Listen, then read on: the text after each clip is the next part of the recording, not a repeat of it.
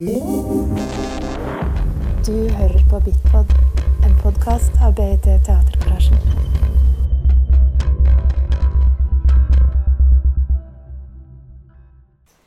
Eh, da skal jeg få ønske velkommen til det vi kaller et åpent uh, metoo-møte.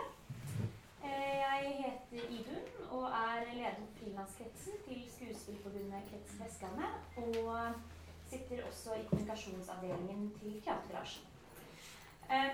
Det er eh, mange ulike aktører som har gått sammen for å få i stand dette møtet, som spiller ulike typer roller i scenekunstfeltet her i Bergen, men som alle er enige om om viktigheten om å prøve å gå sammen og, og finne ut av hvordan vi skal gå i møte de ulike problemstillingene som metoo-bevegelsen har fått frem i lyset. Så dette møtet er et samarbeid mellom Norsk Skuespillerforbund, Norske Dansekunstnere, Betra Teatergarasjen, Carte Blanche, Bergen Dansesenter og Kornteatret og Proscen. Eh, og det er vanskelige spørsmål vi skal eh, vie oss ut på i dag, eh, så vi håper at dette kan være begynnelsen på et lengre arbeid. Fokuset i dag er på hersketeknikker og maktstrukturer. Og ønsket er å prøve å drøfte hvilke mekanismer som ligger bak de ulike formene for trakassering som har blitt belyst gjennom disse kampanjene. Eh, og for å starte møtet så er vi så heldige at vi har fått med oss journalist og forfatter eh, Hilde Sandvik. Eh, som mange kjenner som tidligere redaktør eh, for kultur og debatt i Bergens Tidende. Og som også har skrevet en bok om hersketeknikker. Eh, så hun skal snakke, i, eh, snakke og ha noen oppgaver med oss. Det tar sånn ca. en time og halvannen. Eh, Så tar vi en liten pause, og så tenker vi å ha en åpen samtale der eh, alle som vil, kan hekte seg på. Vi har på, og i denne arrangementsbeskrivelsen også skissert noen spørsmål eh, som vi ønsker å berøre i løpet av møtet. Så jeg tenkte bare å lese opp de, så kan de ligge og murre litt tilbake i hodet mens eh, Hilde snakker. Så det er, eh, og dette er også noe som Hilde kommer til å berøre, men det er hvordan kan man identifisere hersketeknikker, og hva må man gjøre eh, dersom man selv eller andre, andre blir rammet av hersketeknikker eller trakassering. Hvor kan man henvende seg, eh, og hvilke ordninger kan man benytte seg av dersom man blir utsatt for trakassering? Hvor går grensen for ansvaret mellom det å være leder og kollega når så mange jobber med flere hatter og har både administrativt, økonomisk, kunstnerisk ansvar, samtidig som man også er kollegaer? Og hva kan man gjøre individuelt og kollektivt for å forebygge og endre den ukulturen som metoo-bevegelsen har avdekket? Så dere kan eh, gjerne tenke på det og, og hekse dere på samtalen etterpå. Men nå kan vi ta godt imot Hilde Sandvik.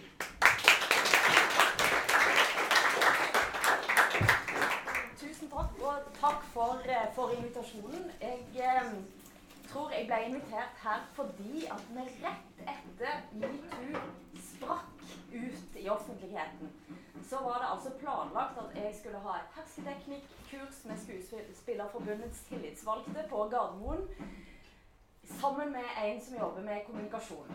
Eh, og det kurset kasta vi ganske så fort om på. Eh, godt at vi får en salutt her nå. Det er òg en hersketeknikk. Eh, og, og jeg kommer til, og det er derfor jeg kommer til å si nå at det, Ja, jeg lurer på om jeg kan ta lufta nå. Eh, det er eh, kommer til å bruke minst tid på å stå her og forelese, og mest tid på dere. Rett og slett fordi det har vi funnet ut altså er den absolutt beste måten å kanskje kunne drøfte gjennom, i stedet for at jeg skal stå og fortelle dere masse om hersketeknikker, så skal dere òg få lov til å rett og slett tenke gjennom litt eh, hva dere sjøl muligens eller muligens ikke har opplevd. Jeg har jo selvsagt tatt på meg en knytblus i dag. Dette er blitt det offisielle metoo-plagget nå etter, etter Sverige. Dere vet hva dette dere selvsagt eh, hva dette er, og det var derfor det er min- eneste knytblus. Så den noe jeg tar med meg. Begynner med denne boka som jeg ga ut eh, i for ti år siden, 2007, sammen med Jon Risdal, Hersketeknikk. Grunnen til at jeg begynte å jobbe med det den gangen, var at eh, noen kom til meg og sa at eh, nå er det lenge siden at Berit Aas, som jeg skal snakke litt selvsagt om, skrev om hersketeknikker. Hva har skjedd i mellomtida? jeg begynte veldig offensivt ut med jobben og skjønte ganske fort at det var faktisk skrevet mye mindre enn det en hadde trodd. Eh, en skulle tro den gangen, på 2000, tidlig 2000-tallet, at dette var gjennomdiskutert masse, og det var det faktisk ikke. Så jeg kommer uansett først nå til å ta en veldig rask gjennomgang av de klassiske hersketeknikkene. Og så skal dere sitte og surre i bakhodet om dette er noe dere kan kjenne igjen. Denne dama fulgte nylig 90 år. Da hun kom inn i politikken i Ås SV eh, på slutten av 60-tallet, så opplevde hun å komme inn i det hun opplevde som en mannsbastion. Eh, med altså en eh, form for kultur, med latterliggjøring, med usynliggjøring. Og Berit Aas begynte som den ganske strukturerte personen hun er, som sosialpsykolog og samla på disse erfaringene og det hun så rundt seg. Så tok hun, gjorde det ekstremt smarte grepet, for hersketeknikk er egentlig ikke hennes ord. Eh, det er et ord som hun hadde med seg fra før, men på mange måter så tok hun patent på å katalogisere hersketeknikkene i fem, som etter hvert ble sju, eh, og som er det som vi kjenner igjen i dagligtalen. Det fins en video, en gammel VHS-kassett på biblioteket som jeg vil anbefale alle å se, faktisk. Både av historiske grunner og av andre grunner. Fordi Berit Aas eh, demonstrerer der de opplevelsene som hun fikk når hun satt i kommunestyret på Ås. Når hun sitter der og fremmer et uh, synspunkt Mannen som er på andre sida av uh, bordet, reiser seg opp demonstrativt går ut og henter en kaffe mens Berit Aas snakker. Eventuelt eh, miste pennen på gulvet, rote veldig lenge under bordet mens Berit Aas snakker. Og Berit Aas spiller da alle rollene sjøl på denne videoen. Med vekselvis brillene på her og brillene på hodet. Det er et ganske så vakkert eh, lite stykke videokunst. Så dette var altså det, det, var det som var hennes opplevelse den gangen. Og Så er spørsmålet hvor er vi da nå? Sant? Det, har det, hva har skjedd i mellomtida? Berit Aas var ekstremt opptatt av at det er utelukkende menn eh, som kan utøve hersketeknikker mot kvinner. Eh, og hvis, er, hvis, kvinner bruker en hersketeknikk, og dette er sånn som hun har sagt etter både vi kom med vår bok og med Sigrid Solund sin nye bok, så er det ikke hersketeknikk, men det er rett og slett motmakt. Og det er jo et spørsmål som en kan diskutere. Jeg mener jo helt åpenbart at eh, hvis ikke kvinner òg kan ut, utøve hersketeknikker, så betyr det i realiteten òg at kvinner ikke kan ha reell makt.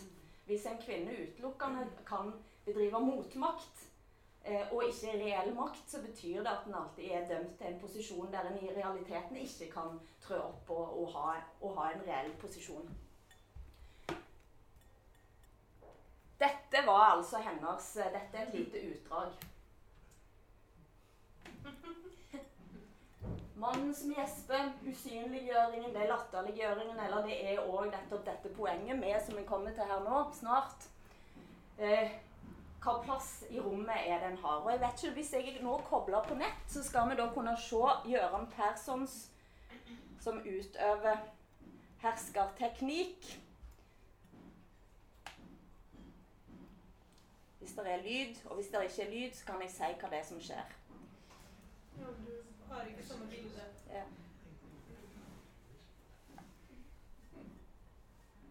Begynner han å spille, tro?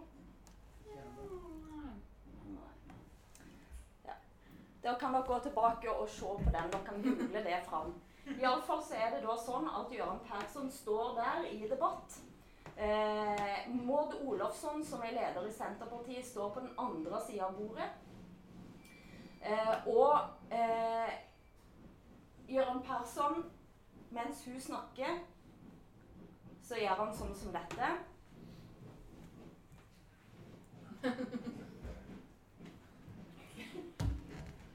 Jeg har sett denne videoen ca. 30 ganger. 50 ganger kanskje. 100 ganger. Jeg vet ikke. Jeg har aldri noensinne klart å få med meg hva det er Maud Olofsson snakker om. Etterpå så får Gøran Persson spørsmålet Nå, Gøran Persson, du sitter her, og du, du bruker da en hersketeknikk, herskerteknikk mot Maud Olofsson. Så svarer Gøran Persson Man kan ikke stå en time. Ja, jeg måtte strekke på meg. Jeg er så lessen, jeg er så lei. Altså, han vil orke ikke mer dette maset om hersketeknikker. Og der var det på mange måter, når vi skulle begynne å skrive vår bok, så var en på mange måter kommet til det tidspunktet at en sier nå har vi snakket nok om dette. Vi er ferdige med det nå. En kan ikke drive og mase om igjen og om igjen på det samme. Og mens vi holdt på med å skrive denne boka, så var jeg da altså på et møte med to psykologer, søstrene Ilen, eh, som, eh, som, er altså kjent som sånn organisasjonspsykologer.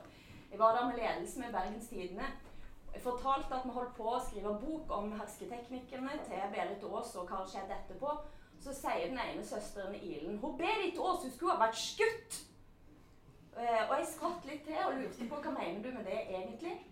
Eh, og så forklarer hun at det, det hun mener, er at altså et begrep som hersketeknikk og måten det var kommet inn i dagligtalen på, like mye var blitt en beskyldning som stoppa kommunikasjonen. Jeg kan ikke vite om det er det du utfører mot meg, selv om du prøver å altså, Selv om du, jeg føler meg usynliggjort av deg, så er, så er, det ikke sikkert at det er det som skjer.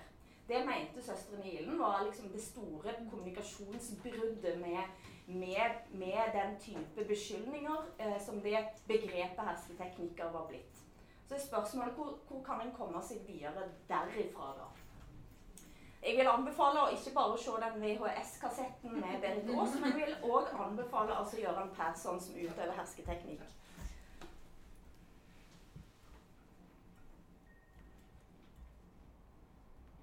Så hva er da en hersketeknikk? Hersketeknikk er forbundet med språket og kroppen vår, måten vi bruker språket på. Det blir utøvd av konkrete aktører for å på en eller annen måte svekke selvfølelsen de, til de som det går utover. Og den som bruker hersketeknikk, spiller gjerne på den andre personens avmaktsposisjon eller eh, svakere personlig styrke. Og jeg tenker meg at I den type sammenhenger som dere er i, veldig ofte, eh, som er det en ganske utsatt posisjon, eh, som gjør at Kanskje er det både ei yrkesgruppe og en, eh, en, eh, en, noen maktstrukturer i det arbeidet som dere gjør, som kanskje, kanskje appellerer veldig eh, til eh, bruk, utstrakt bruk av hersketeknikk. Men det må vi òg diskutere om. Dette er Harriet Holte sin definisjon av hersketeknikk. Altså de sår direkte eller indirekte tvil om de som de rettes mot, de sår tvil om verdi, betydning og mening. Og veldig ofte så er det sånn at en kjenner seg sånn etterpå. Eh, den pjuskete hunden som er det neste bildet, som er Her er han iallfall. Sånn kan en kjenne seg. Eh, og det er denne følelsen her meg og Jon Risdal satte oss fore å prøve å finne litt ut av. Når er det en går hjem og har kjent seg på den måten? Hva situasjoner er det som har oppstått i utgangspunktet? Hva er det som har trigga den følelsen av litenhet? For ganske gjenkjennbar situasjon, er det ikke det? At en kan oppleve at det er der en ender ut. Før vi skal snakke sånn, eh, litt oss mellom, eh, så skal jeg bare ta og rekapitulere ganske raskt de hersketeknikkene som eh, Berit Aas satt ord på i sin tid. Og gi bare et par eksempler fra boka.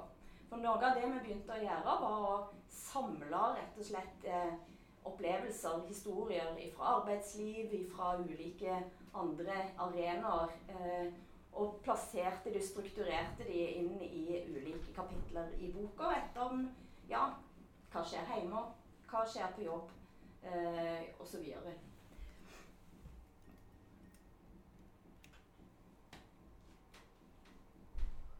denne her eh, Det kan jo godt være at det faktisk er et jævlig kjedelig møte, eh, men det er kanskje en sånn situasjon vi prøver å beskrive. Så hva skjer? Teknikkene får deg rett og slett eh, ut av balanse. De kan gjøre deg nervøs. Du føler deg dum. Det avsporer diskusjonen. Og ofte så er det sånn at raseriet kommer etter situasjonen har oppstått, og kanskje såpass seint at en ikke er liksom i stand til å respondere der og da. Berit Aas sine fem er så, gjen, altså er så, gjenkjennelige at det er nesten sånn at det er, at det er unødvendig å gå gjennom dem, men jeg gjør det allikevel for å ha et uh, lite sånn rammeverk for resten av samtalen. Usynliggjøringen, altså følelsen av å ikke ha noe rom, bli oversett i møte eller um, det, du er aldri noen som altså Folk husker ikke navnet ditt. En blir ikke invitert med i de beslutningene som, eh, som skal tas. En har eh, hersketeknikken latterliggjøringen. Jeg ler meg i hjel og kaller det morsomme ting. Catfight, f.eks. Det er ikke så forferdelig lenge siden jeg har lest om catfight på Stortinget. Tilbakeholdelse av informasjon. Hva er det som skjer når eh, ja, men vesentlig informasjon der du jobber, eller i en annen anledning, eh, ikke flyter din vei? Handler selvsagt om makt. Fordømmelsen uansett hva du gjør. Og altså den siste påføringen av skyld og skam. Jeg tenkte bare jeg skulle gi et lite, bare et par eksempler fra boka. Hvis jeg nå har den retta her Eksempler om bøllen. Han hadde stadig vekk én-til-én-samtaler der han baksnakket mine kolleger. Ofte var omtalen personlig og ganske grov. Mange ganger gikk det direkte på den og den sitt stygge utseende. Jeg engasjerte meg ikke i dette. Han inviterte meg for så vidt heller ikke inn i monologen, og takk for det. Men jeg måtte bare stå, sitte der og høre på ham. Etter noen ganger slo det meg at dette gjør han vel med meg også. Så sitter mine kolleger der og hører på min dårlige klesmat, den store rumpa mi, eller hva han kan komme på å si. Dette gikk så langt at vi uformelt organiserte oss med en talsperson som fremførte misnøyen med sjefens lederstil overfor konsernledelsen.